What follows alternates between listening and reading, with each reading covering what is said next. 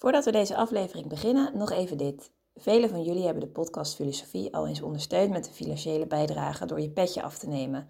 Daar zijn we super blij mee en daarmee draag je ook echt iets bij en maak je onze podcast mede mogelijk. Zo ook Boy en Jan die recentelijk hun petje af hebben genomen. Super veel dank daarvoor. En wil jij ook als trouwe luisteraar ons een steuntje in de rug geven en ervoor zorgen dat we nog lang door kunnen gaan? Kijk dan op petjeaf.com slash podcastfilosofie. Daar vind je alle info en bijdragen kan al vanaf 3 euro per maand. En het biedt ook leuke extra's op, zoals bijvoorbeeld toegang tot onze bonusafleveringen. Maar voor nu, veel plezier met deze aflevering. Ken uzelf. Deze woorden van het orakel van Delphi vormen de kern van de beweging die de Atheense filosoof Socrates inzette. Op welke manier heeft de filosofie na Socrates zich afgekeerd van deze beweging van Socrates? Waarom draagt het feit dat hij zelf nooit iets geschreven heeft juist bij aan zijn status als vader van de westerse filosofie? En waarom dronk hij de gifbeker terwijl hij zelf vond dat hij de rest van zijn leven in de watten gelegd zou moeten worden? Over deze vragen en nog veel meer gaan we het de komende drie kwartier hebben. De gast is Rico Sneller, de denker die centraal staat, Socrates.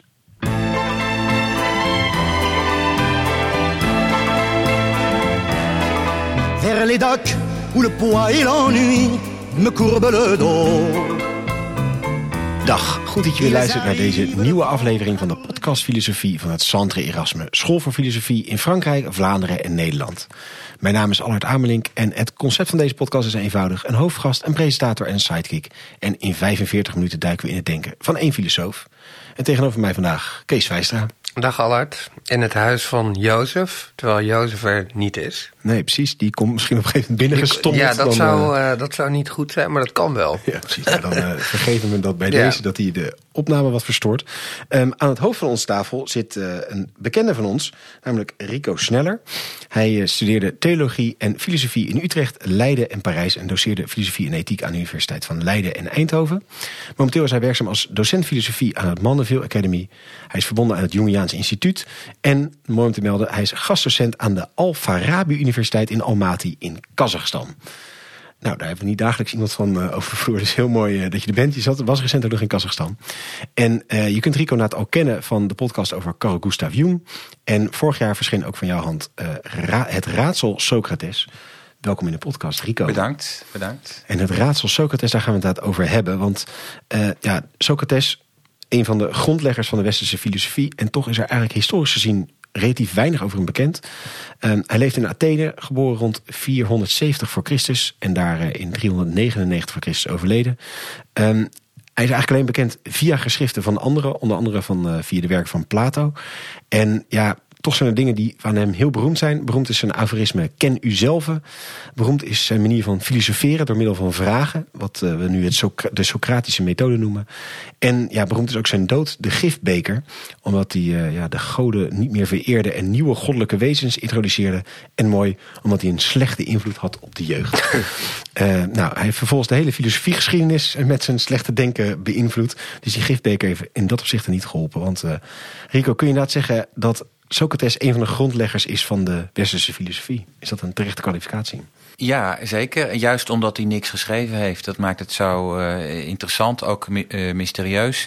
Een heel kleine correctie. De, de uitspraak ken u zelf is aangetroffen op de tempel van Delphi. Delphi ja. En Socrates die heeft die uitspraak overdacht en heeft gezegd... dat is eigenlijk onze voornaamste opdracht. We moeten onszelf kennen. En dat is interessant, want als je je realiseert dat dat inzicht voor Socrates maatgevend is geweest voor zijn hele optreden. En als je realiseert dat Socrates de vader is van de westerse filosofie, dan kun je afvragen wat er is overgebleven van dat eerste inzicht wat Socrates heeft uh, willen uitdragen en willen uitleven en in het teken waarvan hij zijn hele optreden heeft geplaatst. Ja, dus de filosofie is natuurlijk alle kanten opgegaan. Uh, vandaag de dag zeker. De, uh, van, van bedweterij tot en met uh, gespierde opvattingen over de dood van God of wat dan ook. Maar ik vraag me af in hoeverre die, die eerste les van Socrates... we moeten onszelf kennen... in hoeverre die nog doorklinkt in het hedendaagse filosofische bedrijf. Um, dat maakt Socrates eigenlijk ook interessant, ken u zelf. Want als je afvraagt, kende Socrates zichzelf... Waarschijnlijk niet. Kennen wij Socrates? Waarschijnlijk ook niet. en uh, dus je kunt je afvragen, ja, wat gaat deze podcast ons eigenlijk leren over Socrates? Uh, ik heb een boek over Socrates geschreven, Socrates in de moderne filosofie. En ik heb volgens mij ergens in de inleiding van het slot gezegd dat um, als je na afloop uh, van, als je na lezing van het boek uh, de kluts helemaal uh, kwijt bent geraakt over wie Socrates is, dan is het boek grotendeels in zijn opzet geslaagd. We hebben een ontregelende aflevering horen we. Ja, ja dankjewel uh, Rico. Ja. Ja, misschien, ja. misschien wel bij dat ken u zelf uh, starten, zeg maar. Want waarom zag hij dat als een, als een belangrijke taak van de filosofie? Of als, als het leidmotief van de filosofie? Nou, kijk, dat, dat um, inzicht van die tempel van Dat voegde zich bij zijn eigen innerlijke overtuiging. Socrates heeft wel eens beschreven hoe zijn eigen ontwikkelingsgang gegaan is... Hij heeft gezegd dat hij aanvankelijk als jonge man geïnteresseerd was in de, uh, ja, de natuurfilosofie, die Ionische natuurfilosofen. Hij noemt zelf geloof ik de naam van Xenophanes, als ik me niet vergis. Dat is een zogenaamde pre-Socratische. Ja, we noemen die inmiddels pre-Socraten, omdat Socrates zo belangrijk is ja, geworden. Dat, dat hij wel de ultieme waterscheiding is. Maar het voor na Christus en dus na de pre-Socraten ja. en de post-Socraten. Zeg maar. Ja, en je, als je het in moderne termen zou vertalen, zou je zeggen... Socrates begon als fysicus, zo niet als wetenschapper.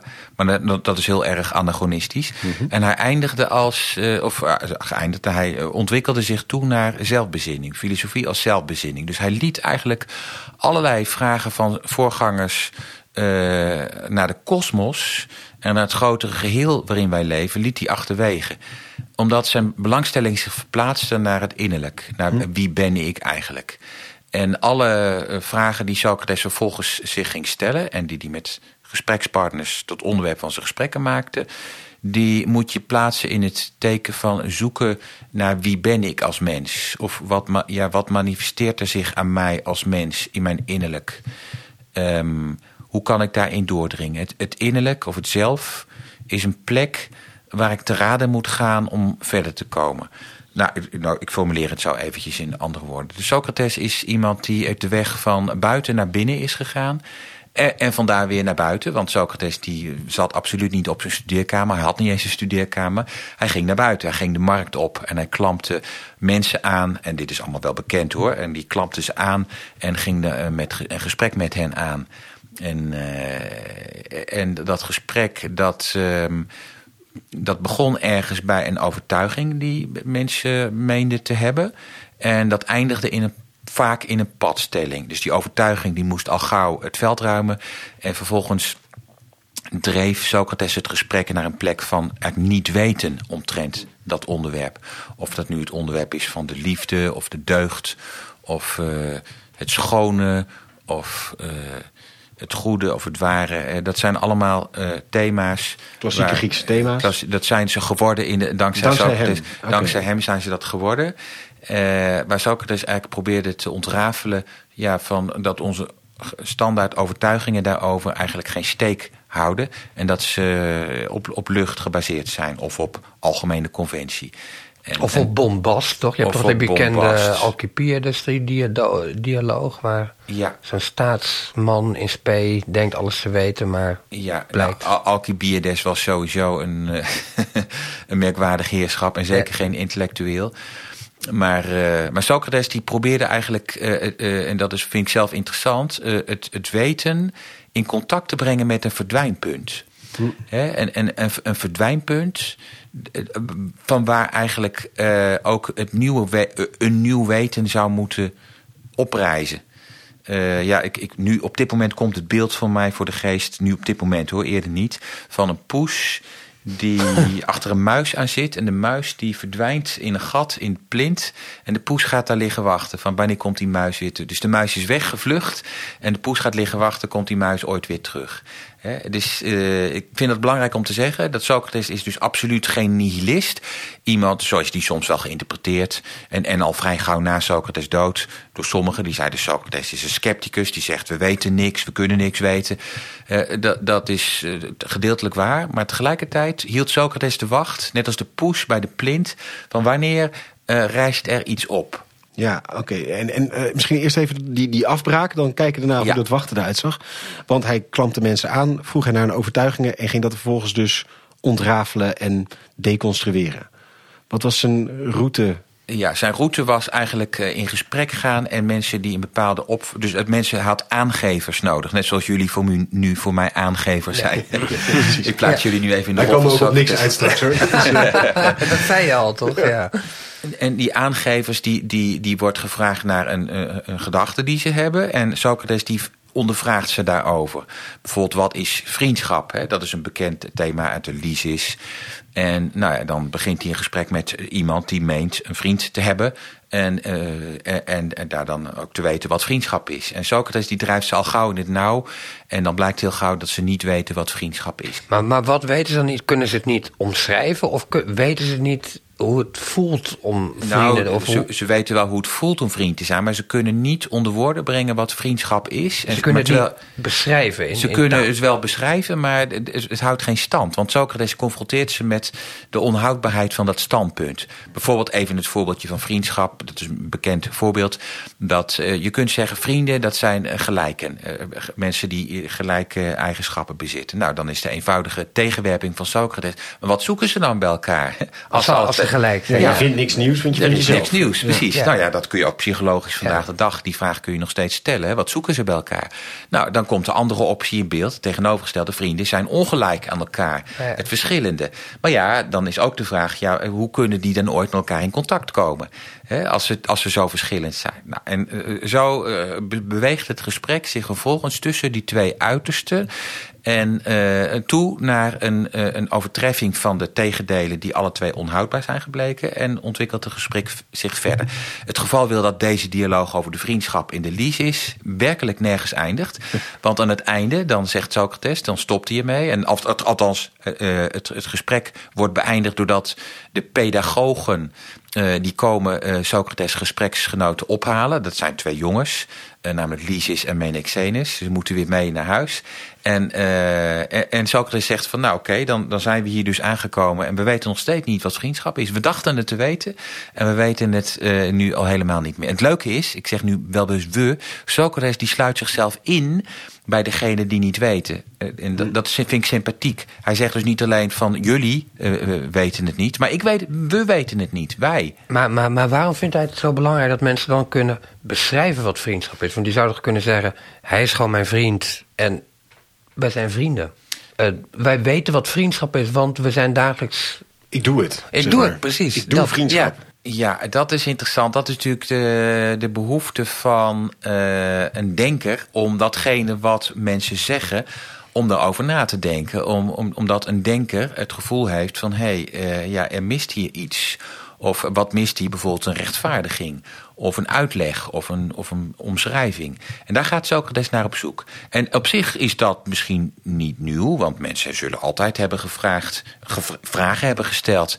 Maar Socrates die heeft dat gesystematiseerd. En die heeft de vragen uh, gesteld.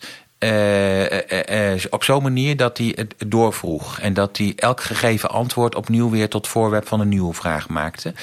Uh, en ontdekte dat, er, uh, ja, dat het vragen door kan worden gedreven. En dat er dus geen, uh, ja, soms geen uitkomst is. en zien we eigenlijk in al die, diezelfde gespreksthema's die je net noemde. Het schone en, en het ware, weet ik veel, de, de Griekse thema's. Komt die altijd naar tot een afbraak? Of zijn er ook wel eens dingen waar hij op een eerder punt al op een doodpunt start? Of zeg maar op een soort van, hé, hey, ja, dat is dan wel echt een kern. Nou, dus of is daarmee die patronen altijd hetzelfde? Ingewikkeld te, te, te, te, zeggen. Kijk, we hebben te maken met een figuur, Socrates, die zelf niets heeft geschreven. En die we kennen uh, hoofd, nou ja, hoofdzakelijk via het werk van Plato, die de figuur van Socrates heeft gebruikt als uh, spreekbuis waarschijnlijk, of als aangever of als gesprekspartner. En, uh, en, en dat is door het hele oeuvre van Plato heen het geval. En uh, latere deskundigen hebben een onderscheid gemaakt tussen een vroege Plato, een midden Plato en een late Plato. En in de, bij de vroege Plato zou de figuur van Socrates nog het meest herkenbaar zijn. En de midden Plato minder en de late Plato. Hij begint steeds met een eigenstandige verhouding eigenstandig, tot Ja, en dat Socrates is natuurlijk, er zit iets van een soort visieuze cirkel in. Want uh, ja, dit, dit, dit, dit, er zit een visieuze cirkel in dat je bewijst vanuit de veronderstelling die je hebt van Socrates. De rol van Socrates is hier teruggedrongen. Dus Plato zal wel meer zichzelf hier ter sprake brengen. Dus dat, dat blijft moeilijk. Maar goed, er is een soort standaard periodisering en, uh, en, daarin, uh, dat is een communis opinio. En wie ben ik om, daar, om die in twijfel te trekken? En daarin kun je zeggen dat in de, vroeg, de vroegste dialogen Socrates, de, de, de, de, de, echt, ja, de, echt, de historische Socrates, het meest nog terug te vinden is. En, en die dialogen kenmerken zich door het ontbreken van een hele duidelijke conclusie. Hm. naarmate Plato dan rijper wordt, nogmaals, ik citeer de communis opinio. Ik, ik, ik houd me een beetje op de vlakte of ik daarmee instem. Dat kan ik gewoon niet beoordelen. daar komen wel conclusies en uh, gedachten naar voren. Uh, ja, een slotsom.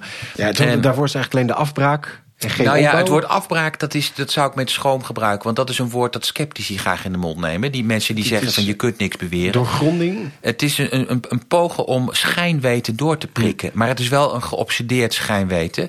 Want het, Socrates die, die, die die identificeert zich met wat hij noemt een niet weten. Een, een niet weten waar anderen wel zeggen te weten. Nu kun je zeggen, nou, uh, uh, niet weten, dan weet jij het dus niet, Socrates. Weg met jou, jij weet het niet, ik hoef niet. Maar dat niet weten is wel een interessant niet weten. Het is een niet weten dat ergens een, een, een, lijkt te, te tenderen naar een hogere bewustzijnspositie. Die misschien niet direct een uh, begrip of een, of een redenering paraat heeft, maar wel daarnaar op zoek gaat. Het is als het ware een, een gespannen niet weten. Uh, het is niet zomaar van, nou, ik weet het niet. Het is die persoon bij dat gat van die muis. Die, die... Misschien wel, misschien wel. Het is een verwachtingsvol niet weten. Ja. Uh, en en ik, ik, ik zou dus zelf ook Socrates willen opvatten als iemand die op zoek is om, laten we zeggen, het platte vlak van onze alledaagse gesprekken en onze denkwijze, om dat te overstijgen en daar een, een extra dimensie aan toe te voegen. En ik, ik denk ook dat zonder die diepere, die verdiepende dimensie in Socrates bewustzijn, Socrates nooit de interessante figuur zou zijn geworden die hij daadwerkelijk geworden Als hij zeg maar sec die scepticus was, ja. dan was het een beetje een, een eenvoudigere exercitie geweest. Slimme mannen genoeg, slimme ja. vrouwen ook. Die, zijn die lekker overal ja. gaten inschieten en dan volgens tevreden weglopen. Dat, dat is, op zich is dat natuurlijk ook al een prestatie. Bedoel, laten we wel wezen, dat is een prestatie. Maar Socrates is duidelijk iemand die een extra dimensie uh, heeft toegevoegd aan het gesprek.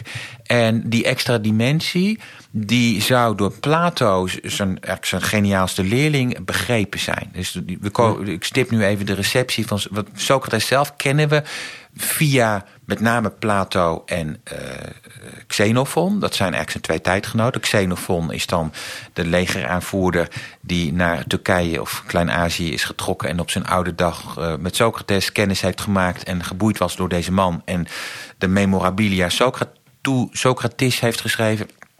En ook daar kunnen we een Socrates beeld uit afleiden. En nu zeggen uh, nogal wat mensen van nou, Plato is interessant, maar die is zo diepzinnig uh, uh, dat we misschien Socrates daardoorheen niet meer kunnen ontwaren.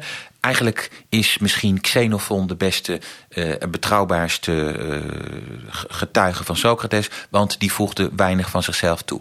Nou, nu, Ook dat speculatief. Is, dat is inderdaad speculatief. Zelf ben ik die mening niet toegedaan, want het zou kunnen dat de diepzinnige Plato toch, juist vanuit zijn diepzinnigheid, misschien wat historische data omtrent Socrates heeft naar zijn eigen hand heeft gezet, maar daardoor een diepere peiling van de figuur van Socrates heeft gerealiseerd. Ja, misschien minder letterlijke citaten, zeg Ja. maar, maar meer wel de geest van Precies, Socrates begrepen. Precies, precies. Terwijl Xenophon, en wat ik nu zeg, dat, dat bijvoorbeeld iemand als Kierkegaard, hè, die zijn proefschrift aan Socrates heeft gewijd, die merkt dat al op. Hè, die gaat dan alle bronnen na die we hebben, en dat zijn dan ja, vooral Xenophon en uh, Plato.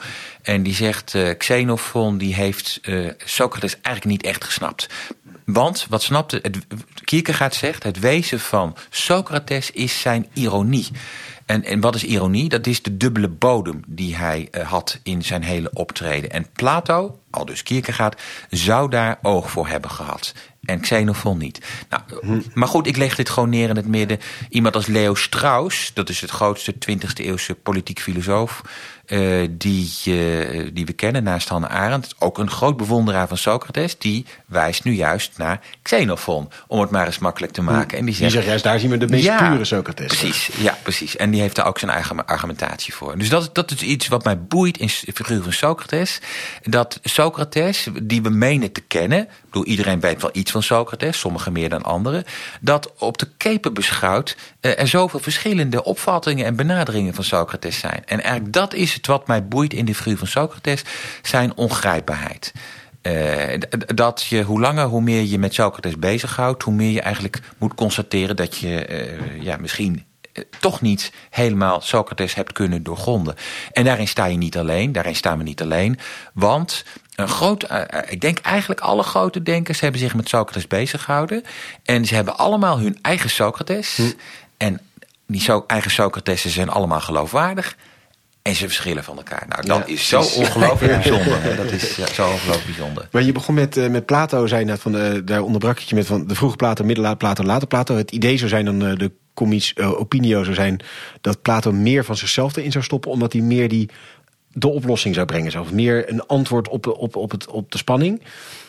Herken je dat beeld wel in jouw eigen nou, lezing? Dat je denkt vanuit misschien zat Socrates iets meer aan de verstopte, ironische kant van de opbouw dan Plato doet? Nou, of? Oh, maar het, het, probleem verplaatst zich, want ook Plato is natuurlijk een ongrijpbare figuur. Ja. Dat wordt ook het raadsel uh, verplaatst, ja, maar het wordt er niet makkelijker Precies, het wordt er niet makkelijker op. Kijk, op het eerst, het is makkelijk om te zeggen... Socrates die zocht naar vaste begrippen. Wat is liefde, wat is goedheid, wat is waarheid, wat is schoonheid enzovoort. En Plato die uh, versterkte die begrippen tot ideeën. En Plato zou dan een ideeënleer hebben ontwikkeld. Ah ja, die heeft, zou die ontleend hebben of doorgeborduurd hebben op deze... Ja, dat, ah, is, ja. dat is eigenlijk wat doorgaans Van wordt gezegd. Ballast ontdane kennis komt tot een, tot een essentie. Uh, kookt hij vervolgens in uh, wat Socrates zeg maar al in gang heeft gezet, tot een, Plato, tot een, Plato in. Tot een, on, ja, wat we een soort ontologie. Een, een, een, ja. een, wereld waarin ideeën, ja, wat zijn ideeën, dat is natuurlijk te veranderen, maar een, een, een ideale grondslag uh, van onze zintuigelijk waarneembare werkelijkheid. Dat, dat zou dus maar dat zou eigenlijk dus volgen op het proces van Socrates, die eerst het van alle ja. smu, afsmuk uh, ja. eraf haalt en vervolgens tot een essentie. Het is allemaal reconstructie, afhaalt, want we moeten, ja, wat, wat voor bronnen hebben we hier? We hebben toch allemaal Plato zelf uh, ter hand en waar moeten we dan proberen te periodiseren en te onderscheiden waar de Socratische Socrates nog aan, aan het woord is en waar Plato zelf dan op een gegeven moment een stapje bovenuit. Dus nou ja, oké, dus daar zijn discussies over. En, maar Plato zou dan de zogenaamde ideeënleer hebben ontwikkeld, geïnspireerd door Socrates. En ideeën, dat zijn eigenlijk de, de begrippen waar Socrates naar vroeg, maar dan ja, gehypostaseerd. Dat wil zeggen, voorgesteld als zijnden. Dus voor Plato zouden dan uh, vriendschap, uh, schoonheid, deugd, uh, waarheid, goedheid, dat zouden voor Plato dan, ja, vergeef me dit woord, zijnden zijn. Ja, ja. Entiteiten. Uh, die, hebben, die hebben echt een bestaan, maar dan buiten bestaan. deze wereld. Buiten Zo. deze wereld. Ja. En dat is wat uh, Aristoteles na Plato dan weer uh, zegt. Die terugblikt op Plato en Aristoteles. En waar, sorry, op Plato en Socrates. Aristoteles die gaat daar weer afstand van nemen. Die zegt, Plato, voor Plato zijn de ideeën um, horesta. Dat wil zeggen, ze zijn afgescheiden, afgezonderd. Ze, ze bevinden zich in een domein buiten of boven de zintuigelijke werkelijkheid. Nou, de, de, het is interpretatie die zich op interpretatie stapelt. En dat maakt het allemaal ingewikkelder op. En de Terwijl we daar nogal best wel kort qua tijd dicht op elkaar zitten inderdaad. Want het zijn nog ja. opeenvolgende denkers. En toch zit daar al zo'n enorme... Ja, het is ongelooflijk. En, en, en de, de, het is uiteindelijk... Dus ik probeer me te concentreren op Socrates. Want dat is al ingewikkeld genoeg. Maar ook als het gaat om de ideeën van Plato... Uh, ja, dat, dat zijn eigenlijk uh, bewust, dat is bewustzijn. Dat is, ik zeg dat is bewustzijn. Uh, maar goed, Plato die, die pretendeert zich te beroepen op Socrates. Probeert, so, pretendeert Socratisch te denken. En, en dus niet bezijden of voorbij Socrates te gaan. Hè. Socrates is en blijft de grote aangever in het oeuvre van, uh, van Plato. Dus die band is intens en in, is innig.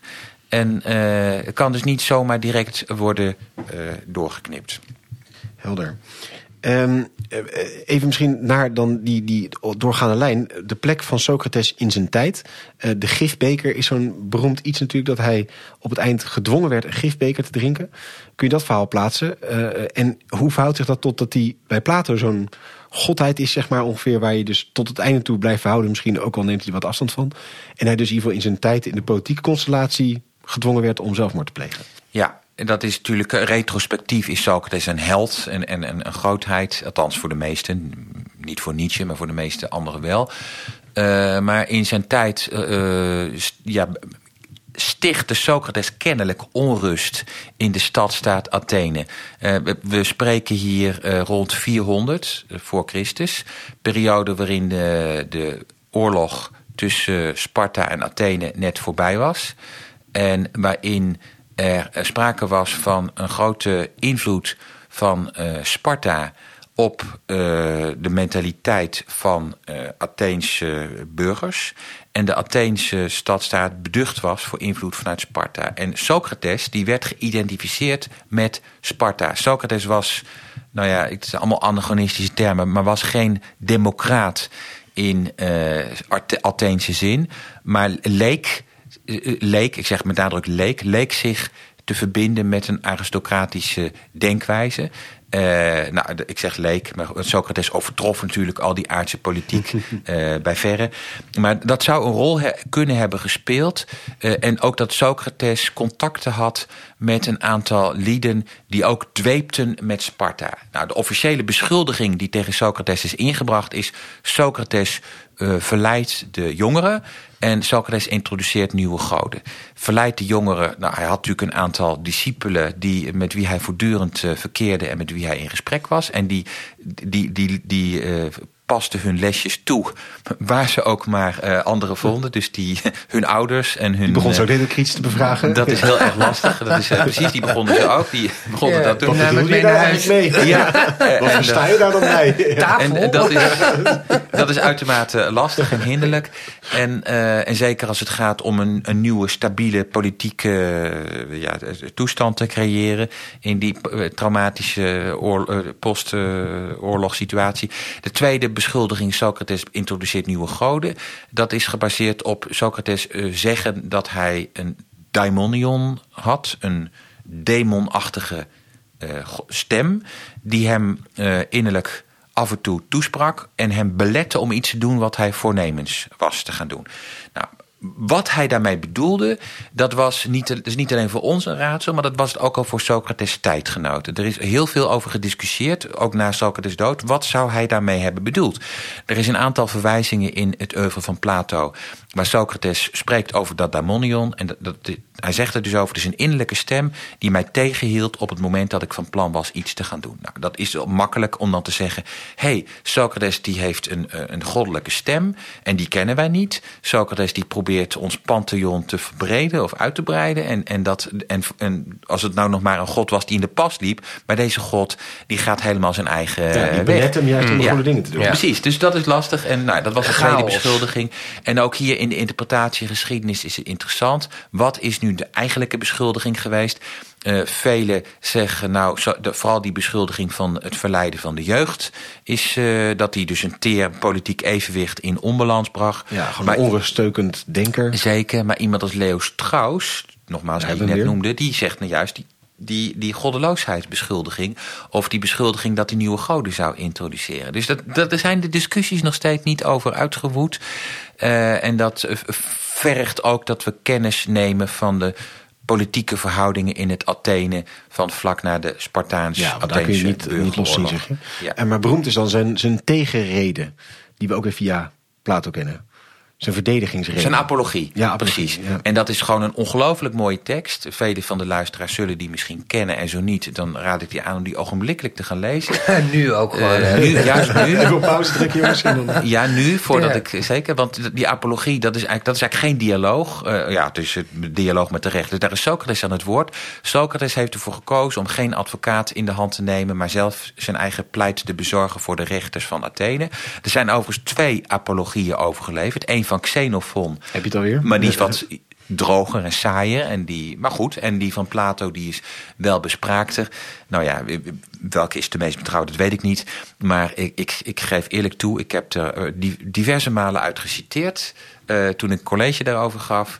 En het is me uh, vrijwel altijd gebeurd als ik de laatste woorden van de, van de apologie van Socrates uit mijn hoofd citeerde, dat ik dan tranen in mijn ogen kreeg. Want het is echt ontzettend ontroerend.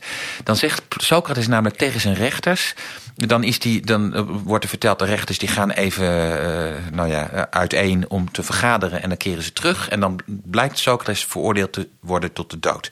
En de beschuldiging van Anitus en twee anderen die wordt overgenomen en Socrates wordt ter dood veroordeeld. En dan krijgt Socrates nog één keer gelegenheid te spreken.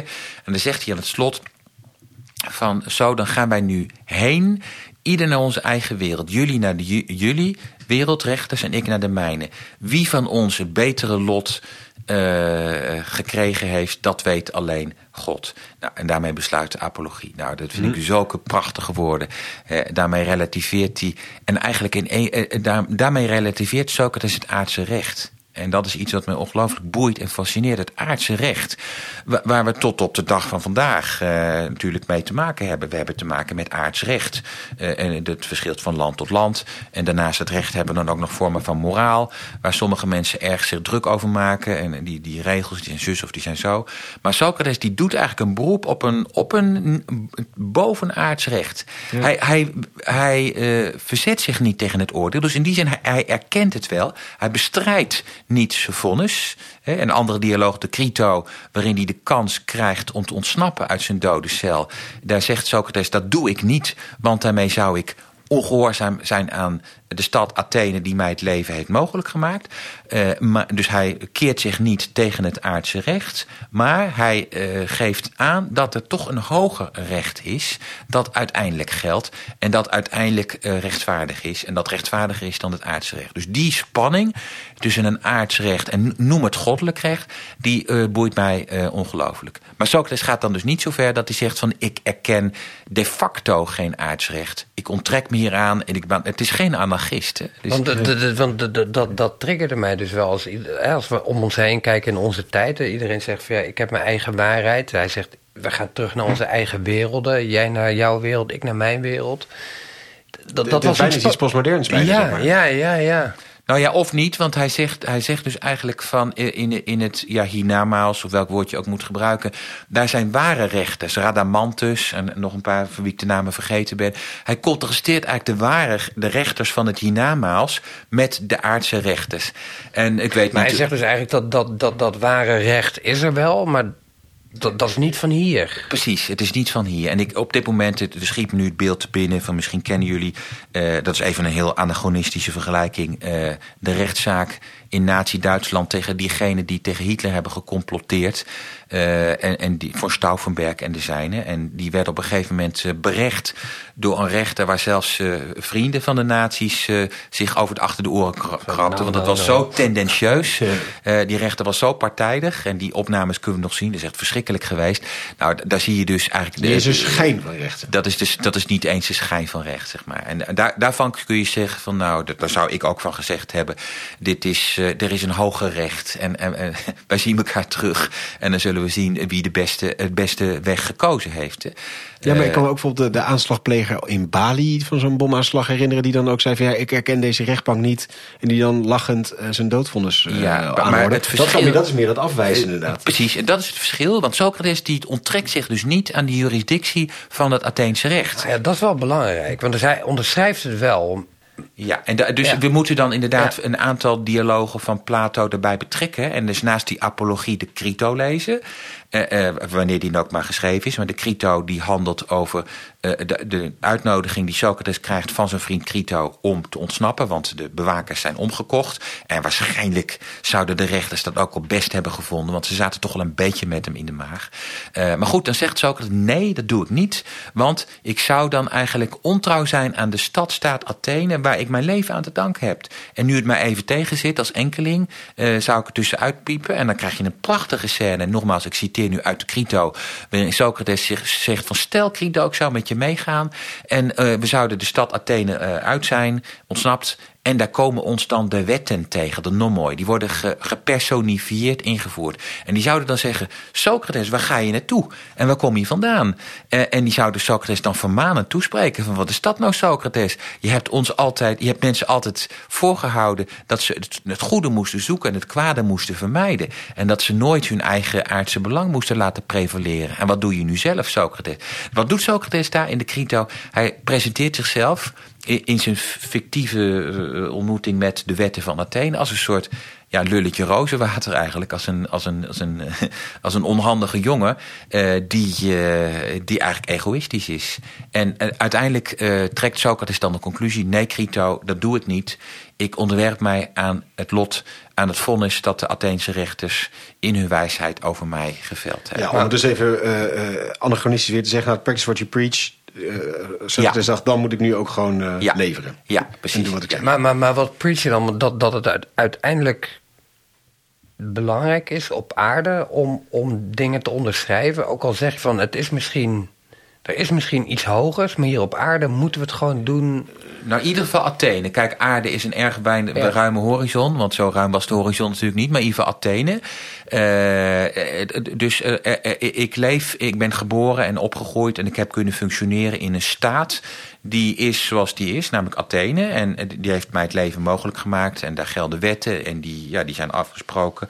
Uh, en ja, die hebben nu dit over mij beslist. Dus Socrates is geen anarchist, maar hij erkent wel een hogere orde. En dat is natuurlijk een spanningsverhouding die bij latere filosofen ook tegenkomt. En waar verschillende posities. Soms iemand als Hegel, die ook over een interessante Socrates-interpretatie heeft geleverd, die erkent geen autoriteit boven het aardse recht. Althans, ja, misschien uiteindelijk wel, maar zegt de, de, het absolute, dat verbindt zich met relatieve gestalte. En als het Hegel dus, en die zal dan ook zeggen dat Socrates terecht veroordeeld is. Ja. Dat is een interessante Hegel, die natuurlijk, natuurlijk als persoon, natuurlijk zal die met Socrates hebben gesympathiseerd. Maar zegt, wat, dat zegt Hegel dus, Socrates die bracht een positie in stelling tegen het aardse recht. En dat is de positie van de innerlijkheid en het individuele geweten. En dat is gevaarlijk. En die kan en mag niet uh, uitgespeeld worden tegen het aardse recht. Uh, en dat is iets wat, uh, wat eigenlijk Socrates misschien beoogd of onbeoogd volgens Hegel zou hebben gedaan. En daarmee zou hij eigenlijk de geloofwaardigheid van het aardse recht hebben ondermijnd. Maar hier is Hegel aan het woord. En dat ja, is even ook weer een overtuigende, maar weer niet complementaire uitleg van, uh, van Socrates. Ja, en dus wat Hegel eigenlijk aan Socrates zal verwijten... is dat hij het principe van individualiteit en het individuele geweten... boven het belang van het algemeen heeft laten prevaleren. En dat kan niet, want er is niets wat boven het belang van het algemene uitgaat. En maar goed, dat, is een, dat gaat over Hekel en dat hoeft nu niet te worden in stelling. Hij zegt dus de betekenis van Socrates is vergelijken met een meerkoetje. Hè, dat, uh, dat, dat is even mijn beeld hoor, dat zegt Hekel niet. de meerkoet? Heel. Ja, precies. En die gaat onder water Ja, ja. En, en, je ziet niet en even later komt hij ergens boven. En, en nou, dat zegt Hekel, nou ja, mutatis mutandis over Socrates. Socrates, zegt Hekel, die moest terecht worden gesteld. Want het principe waar Socrates mee kwam van het individuele geweten, daar was de tijd nog niet rijp voor. Dat gaat later pas met het christendom weer opnieuw opkomen en gaat zich dan verbinden met de staat uh, op het moment dat de tijd er, er wel rijp voor is. Maar ik zou zeggen dat de tijd er nog altijd niet rijp voor is. Dat het nog altijd een worsteling is van erken je iets algemeens, erken je iets waar je aan onderwerpt of ga je gewoon voor je eigen Uiteindelijk belang, wel, uiteindelijk wel, maar dat is, dit is natuurlijk dit, dit zou een gesprek over Hekel Ja. dan kunnen gaan worden. Maar voor Hekel is er uiteindelijk geen autoriteit die boven het, eh, het gezag gaat van, Ja. van de staat. Eh, maar maar dat, uiteindelijk moet hij zich volgens Hekel dat wel verbinden met het individuele geweten. Zodat mensen niet als domme robots aan die staat gehoorzamen, maar dat ze zich daar innerlijk mee verbinden. En dat is wel krachtens Socrates. Krachtens Socrates nadruk op ja, wat Hekel dan het geweten noemt. Dat, dat dat mogelijk is geworden. Alleen in de tijd van Socrates was men zover nog niet. Nee. Dus het was terecht, volgens Hekel, dat Socrates te dood is gebracht. Dat is dus best provocerend Ja, om dat te zeggen. Ja, Want. Socrates was natuurlijk toch een soort beroepsgenoot, hè, of een compagnon.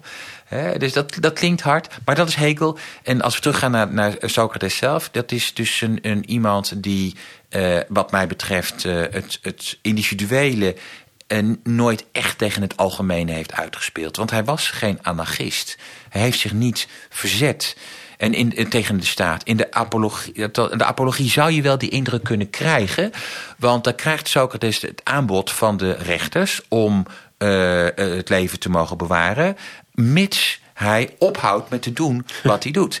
Eh, eh, namelijk gesprekken aanknopen met jongeren over ingewikkelde onderwerpen. Maar dan zegt Socrates: nee, dat doe ik niet. Want dat de, de God gebiedt mij om te doen wat ik doe. Dus Ook daar weer die hogere autoriteit. daar is een hogere autoriteit ja, ja. en die is gelijktijdig met het. En hij zegt daarmee dien ik uiteindelijk het belang van de staat, van Athene.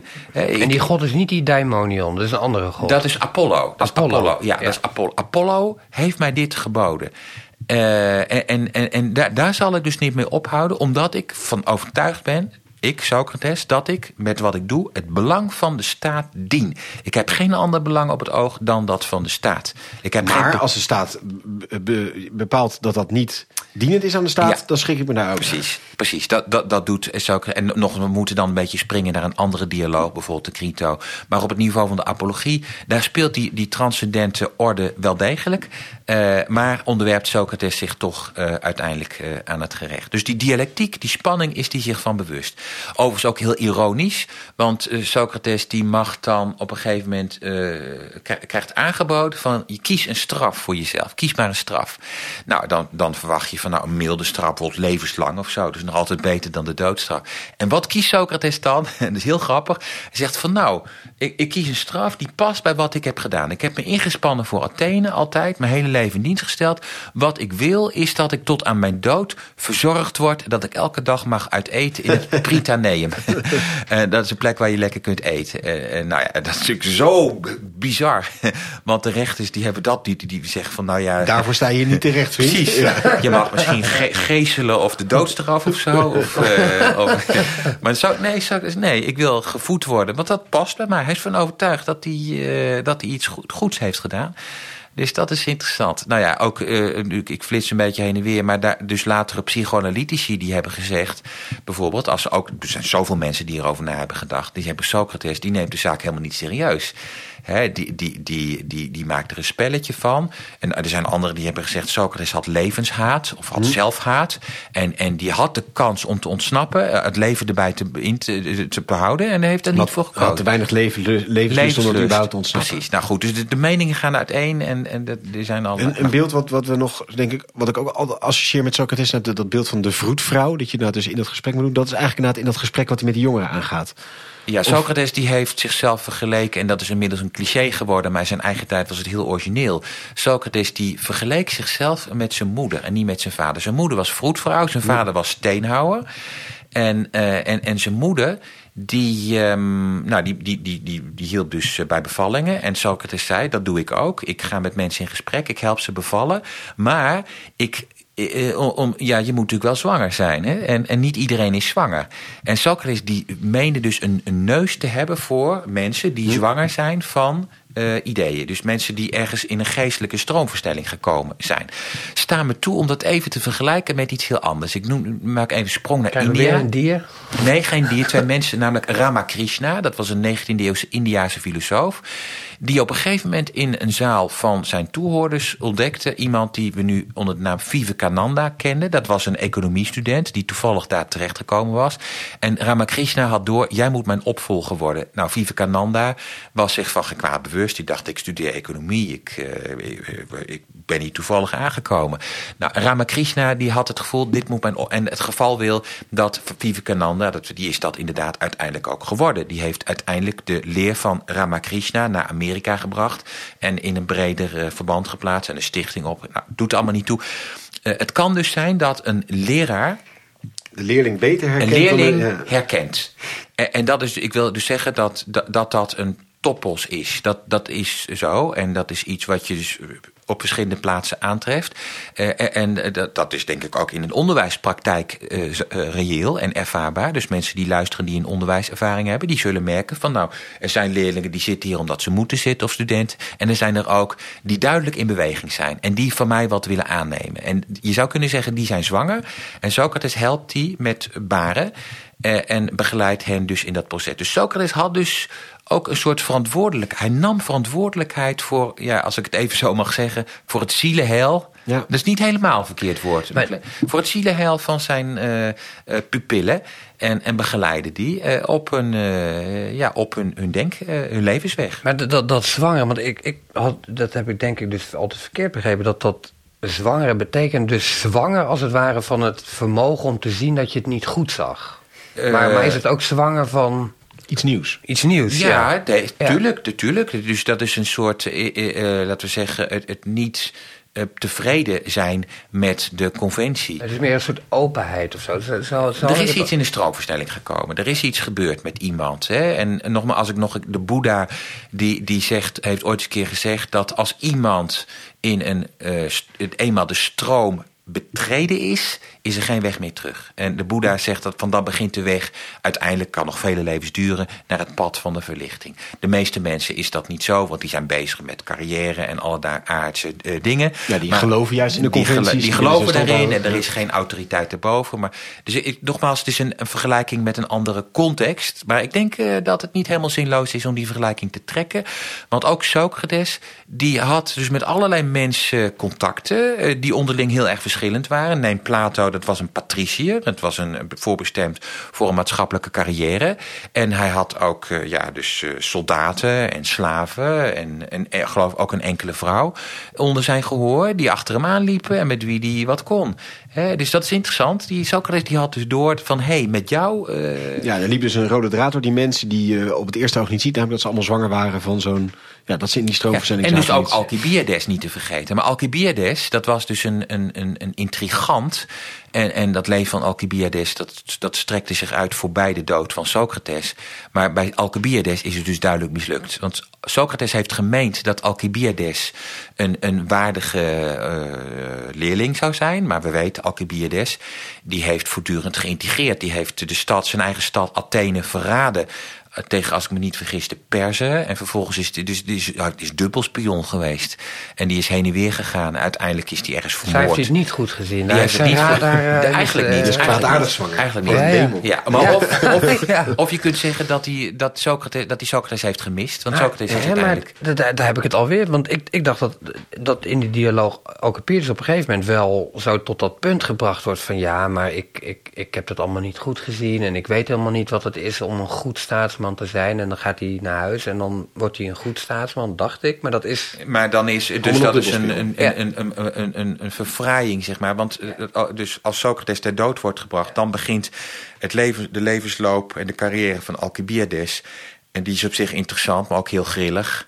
En, en die, ik heb de details niet helemaal paraat, maar op zich een interessant leven. Maar een heel wonderlijk heerschap die uiteindelijk gewoon machtbelust is geweest. En die de lessen van zijn leermeester is vergeten. Gewoon, eh, of, eh, ja, of toch andere stemmen in zijn leven die dat hebben overwoekerd. Dus dat kan. Je kunt ook zeggen Judas, dat was een leerling van Jezus. Die heeft eh, drie jaar met hem of hoe lang rondgetrokken. Die heeft er ook eh, de brui aan gegeven. Dus dat kan. Ja, de aantal parallellen met christendom is sowieso denk ik wel interessant. Met ook een beetje zo van... eh, geef aan de keizer wat des keizers is aan God, wat aan, van God is. Dat, eh eh, dus Socrates wel zegt, nou, ik erken wel het aardse recht... maar ik weet ook dat er een hoger rechter is. Zoiets. Dus er zit Ja, best wel wat ja. christelijke... Ja, want- en- en- die, die, die er ongetwijfeld dan van geleend hebben, zeg Ja, maar. en, dus kijk, Socrates, het- wat je nu zegt vind ik belangrijk. Want Socrates is al te lang opgevat als de vader van de filosofie, schuine streep de wetenschap, schuine streep het materialisme, schuine streep rationalisme eh, en schuine streep eh, secularisme. Eh, en, en, dat beeld is gelukkig in beweging gekomen. Ik denk bijvoorbeeld aan Cornelia de Vogel. Dat was een, Friese klassica, een beroemde klassica. En dat was een van de eerste bij mijn weten. Die heeft gewezen op Socrates' religiositeit. Socrates was niet een of andere seculiere materialist, atheïst van het hedendaagse soort. Absoluut niet. Socrates was eh, religieus. En dat heeft hij willen weten ook. En hij heeft dus ook met kracht voor het gerecht van Athene ontkend dat hij eh, goddeloos zou zijn. Asebes in het Grieks. Nee, hij zegt: Ik heb dagelijks mijn offers gebracht. Dat konden jullie allemaal zien.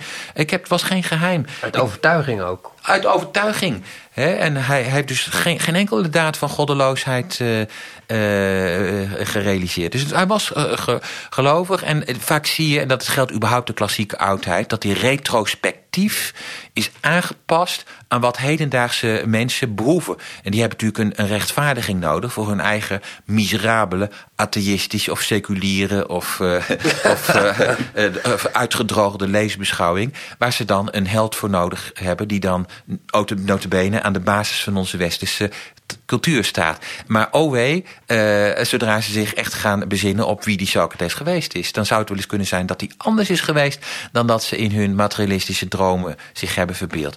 Ook Jaspers trouwens, uh, iemand die uh, Jozef Waanders uh, goed kent. de Jaspers. die hier nu niet is, Jo. Nee, die hier nu niet is. Maar die op het punt van binnenkomen. Op het punt van binnenkomen. Die, die Jaspers die heeft dus gezegd in een prachtig boek... Die maßgebenden Menschen, Socrates, Confucius, Boeddha en Jezus... die heeft gezegd dat Socrates zijn, laten we zeggen... wat we nu zijn filosoferen noemen... dat heeft Socrates volgens Jaspers opgevat als een godvruchtige daad. Hij heeft gezegd, dit, God gebiedt mij dit te doen. Dus maak niet een onderscheid tussen mijn zoeken naar, naar intellectueel houvast aan de ene kant en mijn vroomheid aan de andere kant. Nee, dat, is één ding. Dat is voor hem één. En in, in onze tijd is dat uit elkaar gegroeid. We hebben dus een, het intellect versus dan een soort fideïstische vroomheid die dan een wat randfiguren nog hebben. En dat is, uh, ik overdrijf nu een beetje natuurlijk, maar dat is voor, volgens Jasper bij Socrates is dat een eenheid. Het intellect is iets wat gevoed is vanuit een religieuze inspiratie. En dat vind ik geloofwaardig. Ik vind het ongelooflijk geloofwaardig. Je ziet het ook in de middeleeuwen bij, bij artdenkers waarin de eh, eigenlijk de, de, samenleving sowieso gevoed werd door een, een, religieuze uitgangspunt in islam, jodendom en christendom.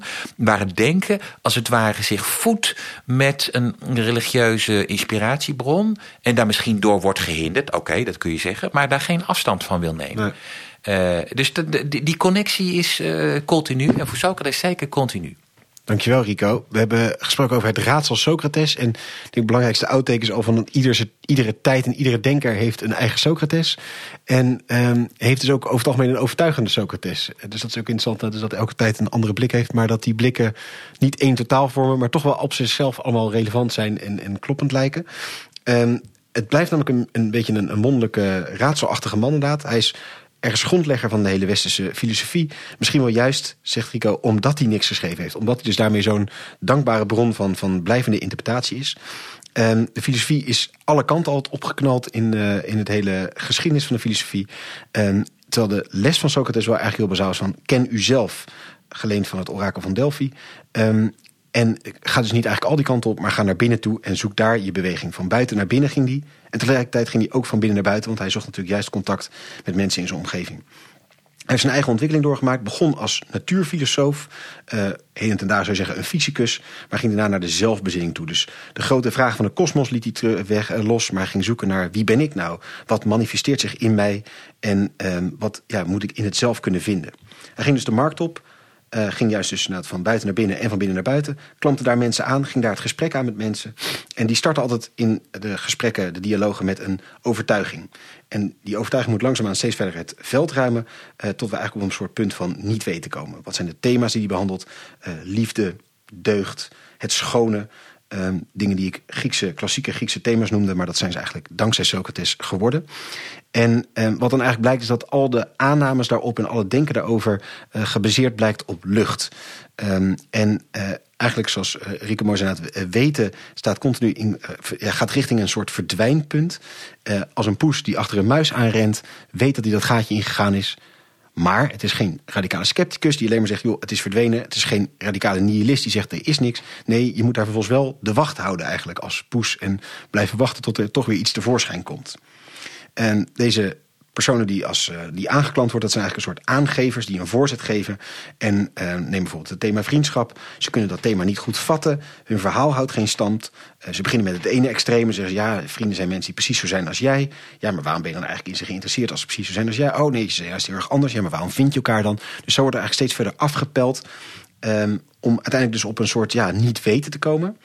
Uh, maar Socrates heel belangrijk, is daar dan niet triomfantalistisch in? Of dat hij dat uh, uh, een beetje cynisch op neerkijkt? Nee, hij spreekt in we als we het hebben over de niet-weters. Dus hij identificeert zich daarmee en is eigenlijk een mede-niet-weter.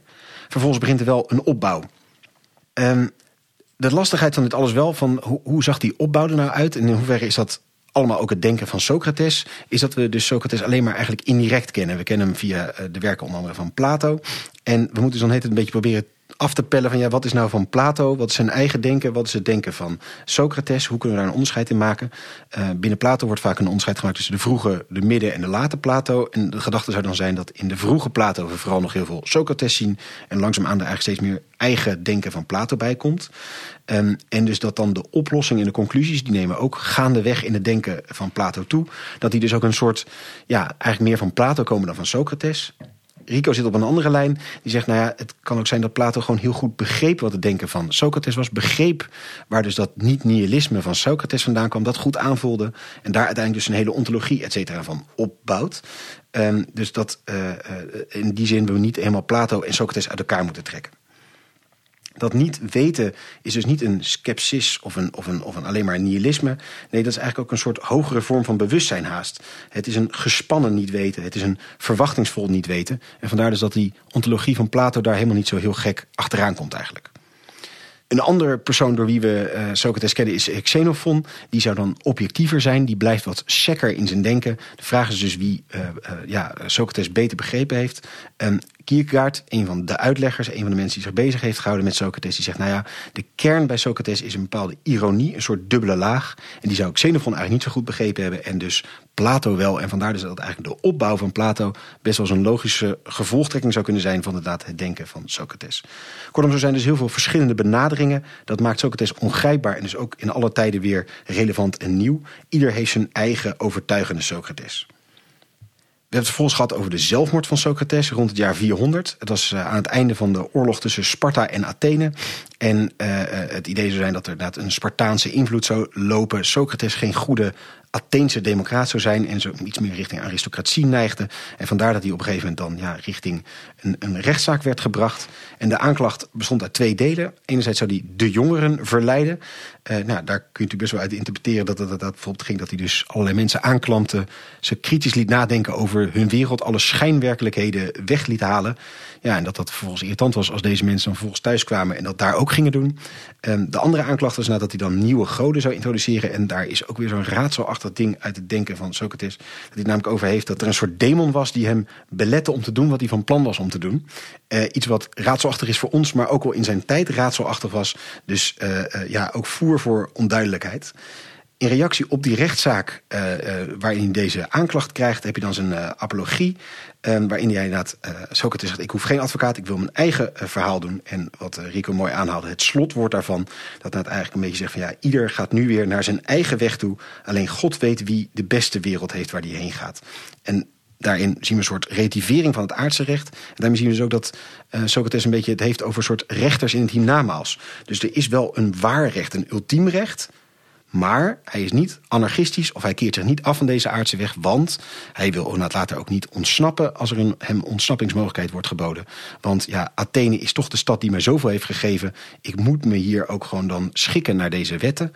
Uh, met inderdaad als een mooi voorbeeld dat als hij dan zou ontsnappen, zegt hij tegen Crito. En ik zou de wetten tegenkomen, dan zou hij zeggen: Ja, joh, uh, Socrates, je hebt dit tegen mensen opgeroepen om het goede te doen. En nu ga je zelf wegrennen nu het een keer moeilijk wordt voor jou. Dat is nooit de goede weg om te gaan een hele hoop verschillende uitleggen. We hebben het over Hegel gehad, we hebben het over de psychoanalytici gehad. Allerlei verschillende uh, benaderingen allemaal van, uh, van Socrates. Um, eindigend denk ik met het beeld van de vroedvrouw. Het mooie was, zijn moeder was vroedvrouw, zijn vader was steenhouder. En hij gebruikt eigenlijk dat beeld dus van die vroedvrouw. Want um, hij verzamelt een hele, heel bond gezelschap rondom hem heen. Uh, direct rondom hem, maar misschien eigenlijk wel door alle eeuwen heen. Um, en dat zijn allemaal mensen die, dus, die hij helpt bevallen.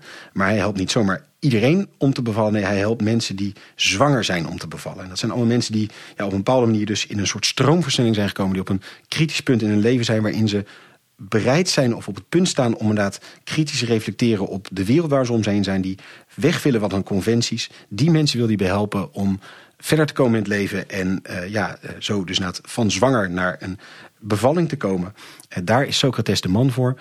Uh, belangrijk zegt Rico erbij, moeten we niet dat hele denkpatroon scheiden van zijn religiositeit, die dus in dat alles door goed doorklinkt. Maar voor de rest is er dus een soort eindeloze hoeveelheid mogelijkheden om op Socrates te reflecteren. Dat hele bonte gezelschap is dus van toenertijd en alle tijden. En dat maakt hem misschien toch wel echt met recht een van de vaders van de westerse filosofie. Heel erg dank Rico voor een ontzettend boeiende podcast die inderdaad, wat klopt, niet heel veel extreem helderder heeft gemaakt. En tegelijkertijd wel denk ik een enorm goed beeld heeft gegeven van Socrates en de rijkwijde van zijn denken. Dankjewel Kees. En vooral jij natuurlijk heel hartelijk dank voor het luisteren. We zijn al heel blij dat jullie in zulke grote getalen luisteren. En uh, uh, willen heel graag jullie ook uh, daarvoor bedanken. Laat gewoon een recensie achter als je dat kan. En graag weer tot een volgende keer.